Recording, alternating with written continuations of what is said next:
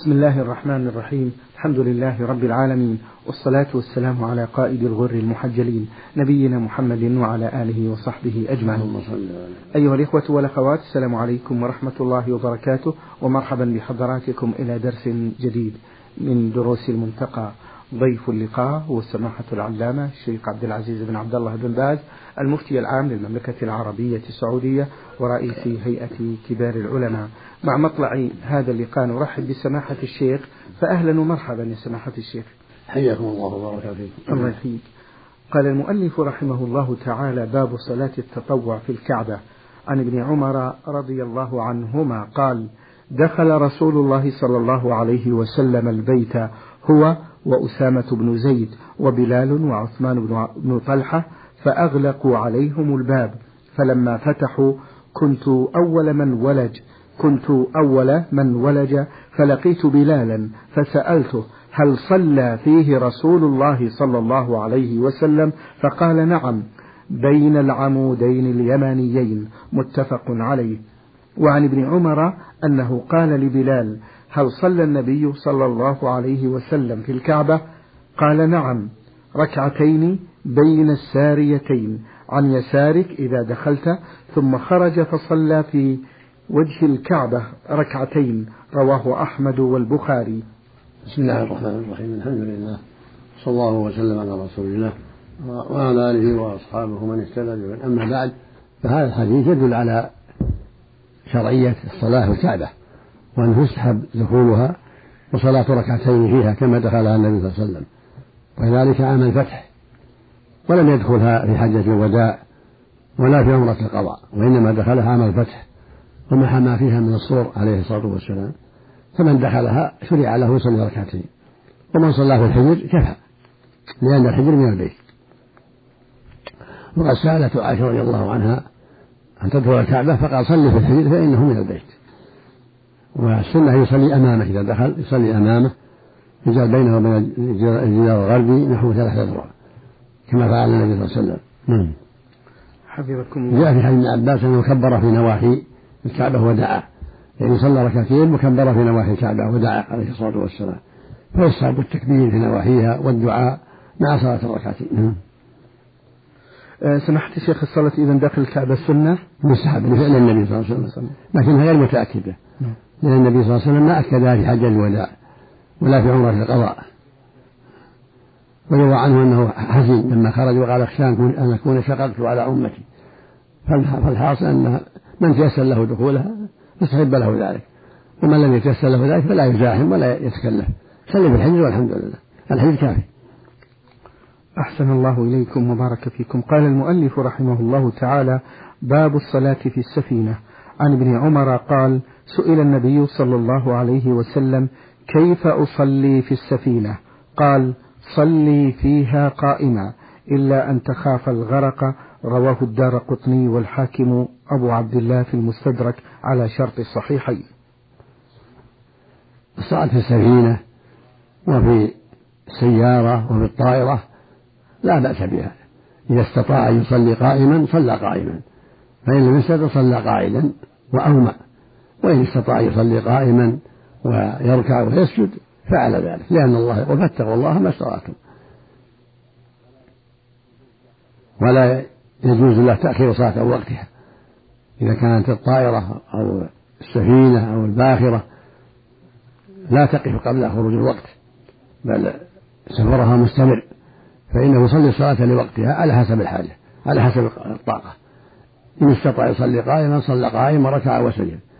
فإن لم يستطع صلى جالسا وركع وسجد. فإن لم يستطع السجود صلى وأمر بالسجود والركوع الركوع والسجود. لكن يكون السجود أخفض من الركوع. وهكذا على الدابة. هكذا في السيارة. الحكم واحد. الباخرة والسفينة والطائرة والسيارة والبعير كل واحد. لكن إذا استطاع أن يصلي في الوقت أخرها حتى يصلي في الوقت. الفريضة هذه. كان النبي صلى الله عليه وسلم يصلي الفريضة على الأرض ما يصلي على الدابة إلا النافلة والتهجد بالليل. أما إذا الفريضة كان ينزل يصلي في الأرض فإذا تيسر لصاحب الباخرة أو الطائرة أو السفينة أو السيارة أن يصلي في الأرض قبل الخروج الوقت صبر حتى يصلي في الوقت حتى يتمكن من إكمال صلاته. فإن لم يتيسر ذلك صلى حسب طاقته صلى في السفينة أو في الباكرة أو في السيارة أو في الطائرة على حسب حاله. لأن الله يقول فاتقوا الله ما استطعتم. أما النافلة فيصلي إلى جهة سيره النافلة يصلي إلى جهة سيره في الطائرة في السفينة يصلي إلى جهة سيره قائدا لا بأس. وأما الفيض لا لابد يستقبل القبلة. إذا دعت الحاجة إلى هذا يستقبل القبلة. يدور مع السفينة ويدور مع الطائرة إلى القبلة. نعم نعم. أحسن الله إليكم سماحة الشيخ. قال المؤلف رحمه الله تعالى باب صلاة الفرض على الراحلة لعذر. عن يعلى بن مرة أن النبي صلى الله عليه وسلم انتهى إلى مضيق هو وأصحابه وهو على راحلته والسماء من فوقهم والبلة من أسفل منهم. فحضرت الصلاة فأمر المؤذن فأذن وأقام. ثم تقدم رسول الله صلى الله عليه وسلم على راحلته فصلى بهم يومي إيماء يجعل السجود أخفض من الركوع. رواه أحمد والترمذي. هذا هو الواجب عند الحاجة. إذا عجز عن النزول صلى على الراحلة أو في السفينة أو في الباخرة أو في الطائرة على حسب طاقته. إن استطاع الركوع والسجود فعل وإلا كفى الإيمان. نعم. روى أبو سعيد الخدري قال رأيت النبي صلى الله عليه وسلم سجد في الماء والطين حتى رأيت أثر الطين في جبهته متفق عليه. وعن عامر بن ربيعة قال رأيت رسول الله صلى الله عليه وسلم وهو على راحلته يسبح يومي برأسه قبل أي وجهة توجه قبل قبل. قبل. نعم. رأيت رسول الله صلى الله عليه وسلم وهو على راحلته يسبح يومي, يومي برأسه قبل أي وجهة توجه ولم يكن يصنع ذلك في الصلاة المكتوبة. متفق عليه. نعم. وهذا يدل على أنه لا بأس بالصلاة على الراحلة والسفينة إلى أي جهة سارت السفينة أو الراحلة إذا كانت نافلة. أما الفريضة فينزل في الأرض ويصلي في الأرض. ويستقبل القبلة. هكذا كان يفعل عليه الصلاة والسلام. وأما الصلاة التي رأى أبو سعيد أثر من الطين هذه كانت في المدينة. صلى في المدينة ووقف في المسجد وصار المصلى فيه أثر من الطين يسجد عليه عليه الصلاة والسلام في رمضان. أما في الباخرة أو في الطائرة أو في السيارة أو على البعير فإنه يصلي النافلة فقط ويومي إيماء وإذا سجود أخفض من ركوعه إلى جهة السير لكن يستحب له عند الإحرام أن يستقبل القبلة أولا يستقبل القبلة ثم يجعل ثم يوجه إلى جهته ويصلي إلى جهته إذا تيسر ذلك. أما الفريضة فلا بد على الأرض إن استطاع أن يتيسر فإن لم يتيسر هذا صلى في الباخرة والسفينة والطائرة على حسب طاقته في الفريضة. يدور معها إلى جهة القبلة. ويسجد ويركع إن استطاع. فإن لم يستطع آم أومى بالركوع والسجود ركع وسجد في الهواء وجعل السجود أخفض من الركوع. لأن الله يقول فاتقوا الله ما استطعتم. أحسن الله إليكم. سماحة الشيخ إذا كانت الطائرة أو القطار واقف هل يطلق عليه اسم راحلة؟ إذا كان واقف ينزل. ينزل يصلي في الأرض. نعم. هو راحلة في المعنى. وأن الراحلة أطلقت في راحلة الإبل. نعم. لكن هو في المعنى راحلة. مم. إذا كانت الصلاة مما يجوز جمعها إلى ما بعدها هل الأحسن أن أنتظر حتى أنزل أم أصلي في السيارة أو الطيارة أو القطار؟ إذا كان في السفر فالجمع أولى في مثل هذا. كن آخرها جمع تأخير حتى يصلي في الأرض الفريضة هذا أفضل وأولى. سماحة الشيخ هل يفرق في جواز النافلة على الراحلة بين السفر والحضر؟ المعروف أنه كان يفعل في السفر صلى الله عليه وسلم لا في الحضر. صلاة الراحلة كان يفعله في السفر. اللهم صل اللهم صل وسلم عليه. أحسن الله إليكم وبارك فيكم سماحة الشيخ. باب اتخاذ متعبدات الكفار ومواضع القبور إذا نبشت مساجد. نعم.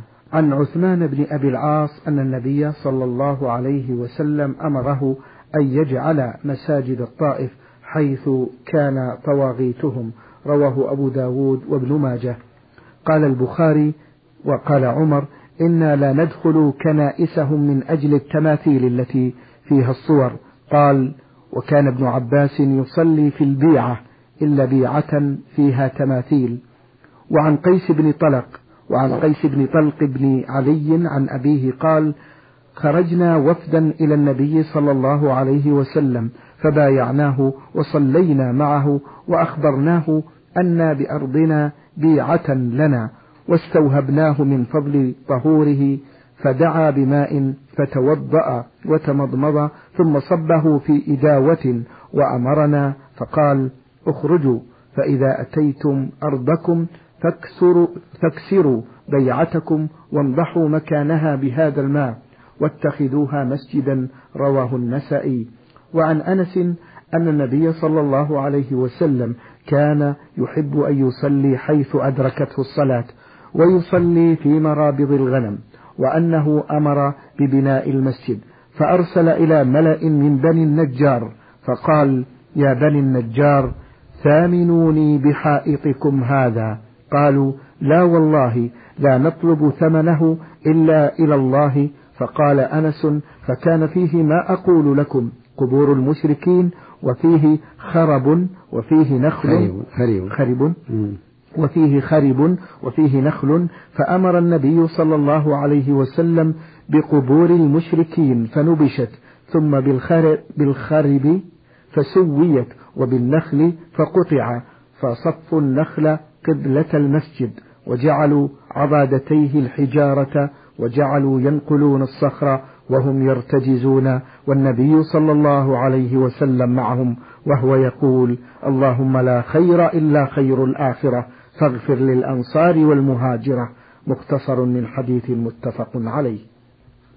وهذا يدل على أنه لا بأس بنفس القبور عند الحاجة قبور المشركين وقطع النخل وتوسية الأخبار وجاء مسجد كما فعل النبي صلى الله عليه وسلم مسجده.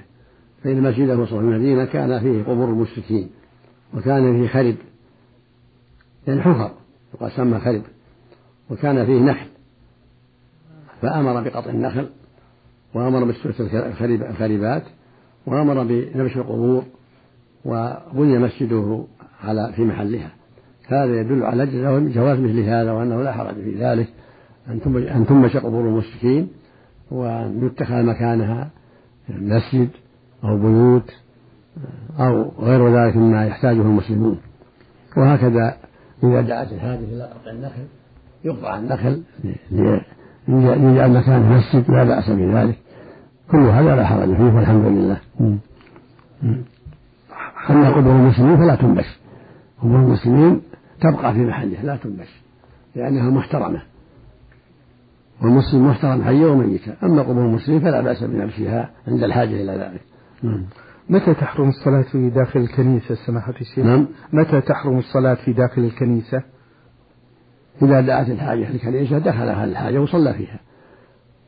بيعها وكنيسة لحاجة وإذا دعت الحاجة صلى خارجا لأجل الصور التي فيها.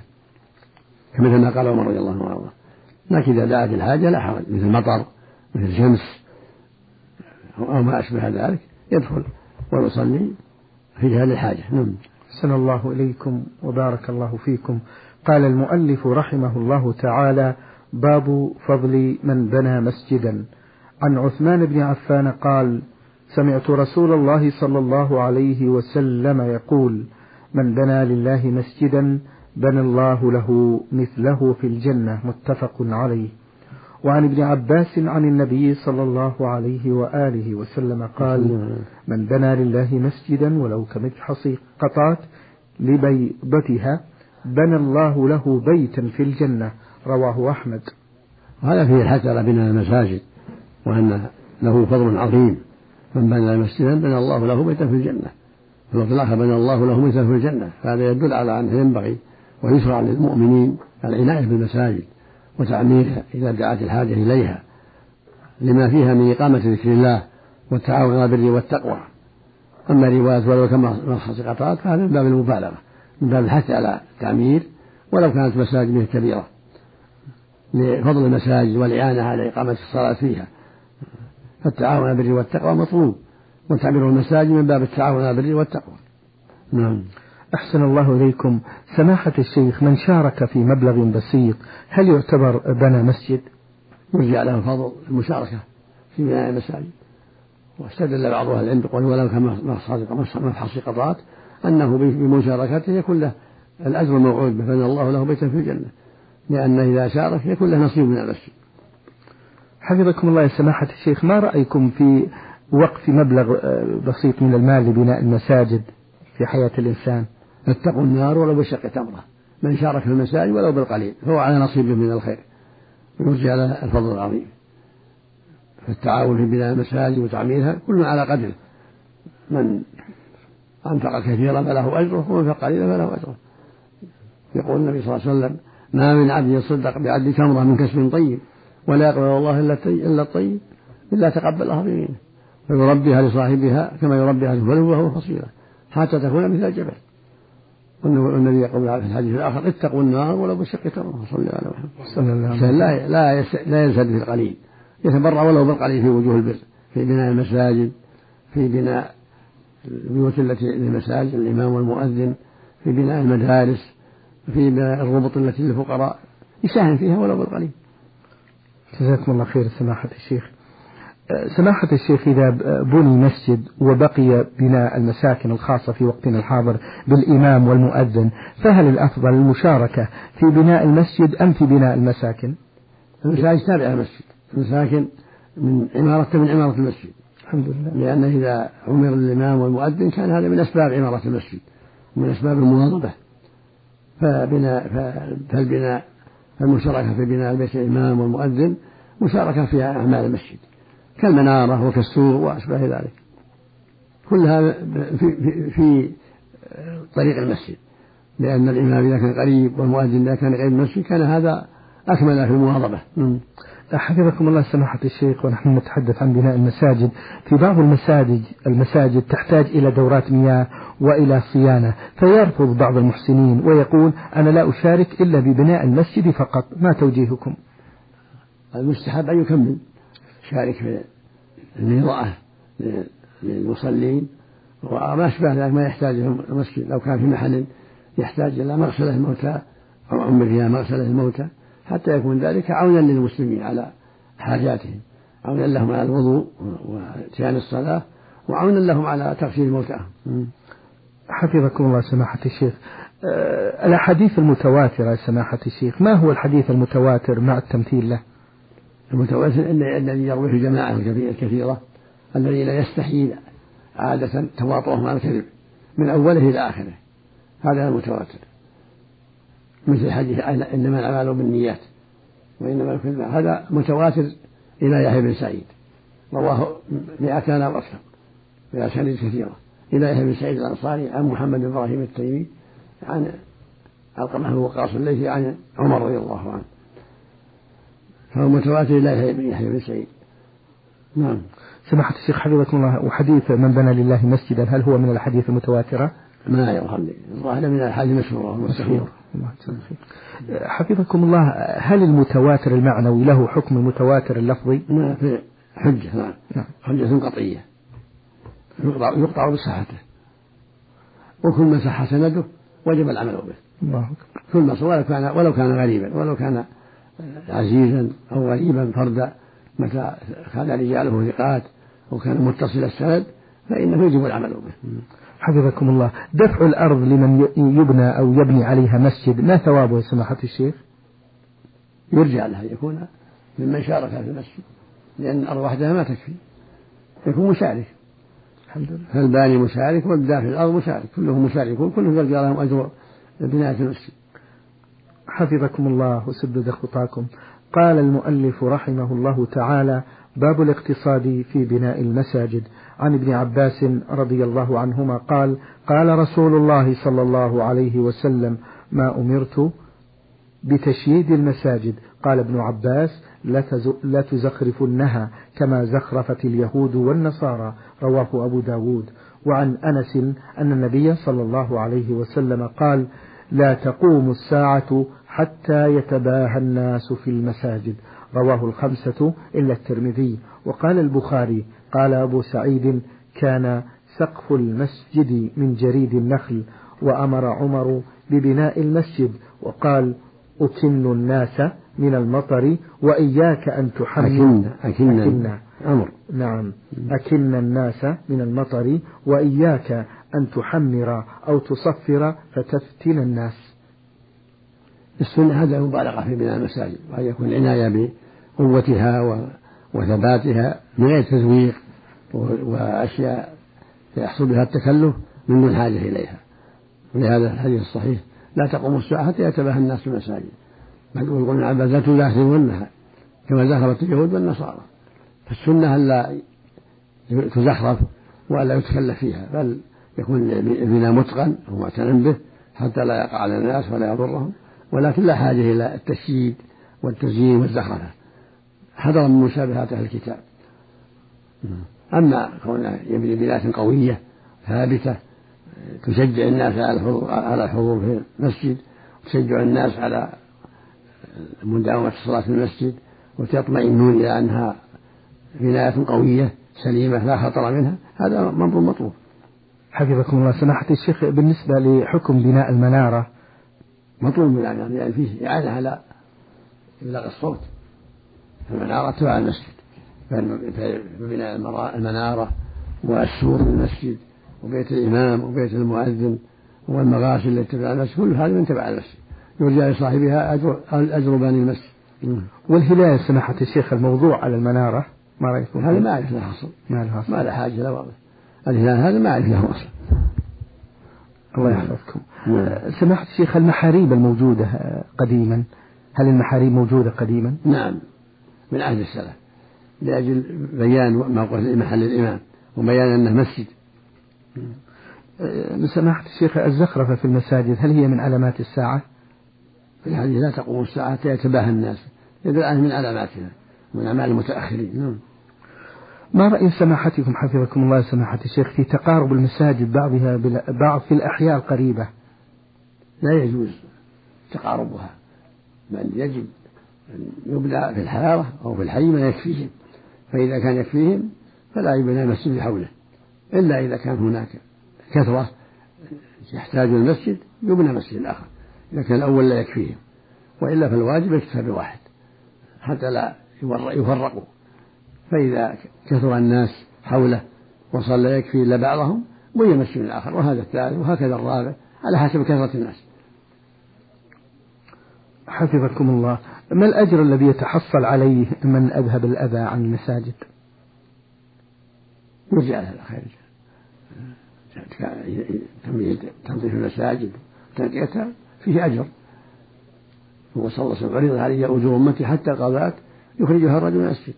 ولما رأى نخامة في قبلة المسجد حكها صلى الله عليه وسلم ونهى عن وصاقها في المسجد.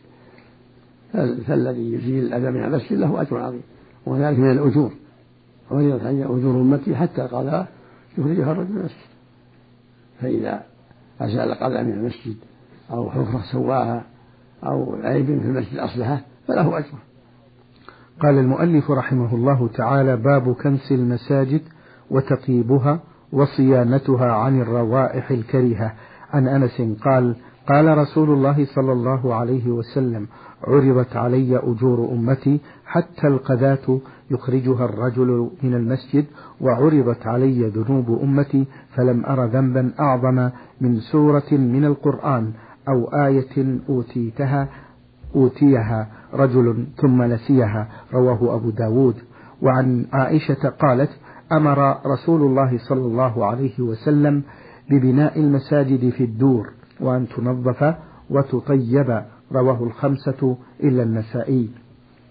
وعن سمرة بن جندب قال أمرنا رسول الله صلى الله عليه وسلم أن نتخذ المساجد في ديارنا وأمرنا أن ننظفها. رواه أحمد والترمذي وصححه. رواه أبو داود. ولفظه كان كان يأمرنا بالمساجد أن نصنعها في ديارنا ونصلح صنعتها. ونطهرها وعن جابر أن النبي صلى الله عليه وسلم قال من أكل الثوم والبصل والكراث فلا يقربن مسجدنا فإن الملائكة تتأذى مما يتأذى من مما يتأذى منه بنو آدم متفق عليه. كل هذا يدل على شرعية تنظيف المساجد. ولهذا الرسول غير هي أجور أمتي حتى الغداة. الغداة شيء قليل يقع في المسجد من خرقة أو عود أو أشبه ذلك يخرجه من المسجد. فالسنة أن يلاحظ المسجد يخرج ما به من الأذى بصاق أو خرق أو أعواد أو ما أشبه ذلك ينظف المسجد. وكانت امرأة تقوم المسجد فلما توفيت صلوا عليها ليلا. فلما أخبروا النبي صباحا قال أفلا كنتم أذنتموني؟ دلوني على قبرها. فدلوا فصلى عليها. فالسنة أن تنظف المساجد وتطيب كما في حديث عائشة. أمر رسول الله المساجد في الدور وأن تنظف وتطيب. الدور يعني الحارات. دار بني فلان حارتهم. يكون في الحارات فيها مساجد كل حارة فيها مسجد لأهلها. وتنظف من الأذى وتطيب. هكذا السنة. فالمساجد مشروع تطيبها وتنظيفها من الأذى وأن تبنى عليها حسب الحاجة. فإذا كان حارات كبيرة كل حارة يبنى فيها مسجد. فإذا كانت متقاربة وكفاها وعد لا بأس. وإن كانت حارات كبيرة كل حارة يكون فيها مسجد يصلي أهل الحارة فيه. وهذا يسمى حي ويسمى دار. إذا كان للناس محلات كل واحد مسلم تجد يصلي فيها يسكن لها جماعة تسمى دور مثل دور الأنصار. يعني حارات الأنصار وأحيائهم. كل دار يكون فيها مسجد يصلى فيه. يعني كل حي وكل حارة مثل ما نسمي الآن فيها جماعة يشق عليهم الذهاب مسجد الآخر يبنى عنده مسجد. سماحة الشيخ في حديث أنس فلم أرى ذنبا أعظم من سورة من القرآن أو آية أوتيها رجل ثم نسيها. نرجو شرح هذه العبارة يا شيخ. هذا في الحث على حفظ القرآن وأن من حفظه يتعاد ولكن الحديث فيه سنده ضعف. فإذا نسي فلا حرج عليه النسيان مو باختياره. لكن يستحب للمؤمن إذا من الله عليه بحفظ القرآن أو ما تيسر منه أن يواظب عليه وأن يجتهد في حفظه حتى لا ينساه. فلو نسيه لا شيء عليه. نعم. سماحة الشيخ حفظكم الله وسدد خطاكم يتحرج بعض الشباب من حفظ القرآن الكريم خوفا من الوعيد الذي آه، ينتظرونه من النسيان فما توجيهكم للشباب؟ السنة حفظ القرآن. توجيه الاجتهاد في حفظ القرآن. حتى يتيسر له قراءته أينما كان. ولو قدر الناس شيئا منه لا يضره الحمد لله. الصحيح إنه لا يضره لأن النسيان ليس باختيار الإنسان. يقول الله جل ربنا لا تؤاخذنا إن نسينا واختار وصح الرسول أن الله قال قد فعلت. فلا مؤاخذة بالنسيان. فالإنسان لا يتكاسل عن هذا بسبب أنه قد قد ينسى. بل يشرع له العناية بحفظ القرآن حتى يقرأه ليلا ونهارا متى متى شاء وليتمكن من تدبره وتعقله بدون حاجة إلى المصحف شكر الله لكم من سماحة الشيخ وبارك الله فيكم وفي علمكم ونفع بكم الإسلام والمسلمين. أيها الإخوة والأخوات كان معنا في هذا الدرس الطيب المبارك من دروس المنتقى سماحة العلامة الشيخ عبد العزيز بن عبد الله بن باز المفتي العام للمملكة العربية السعودية ورئيس هيئة كبار العلماء. تقبلوا تحيات زميلي مهندس الصوت فهد بن محمد العثمان والسلام عليكم ورحمة الله وبركاته.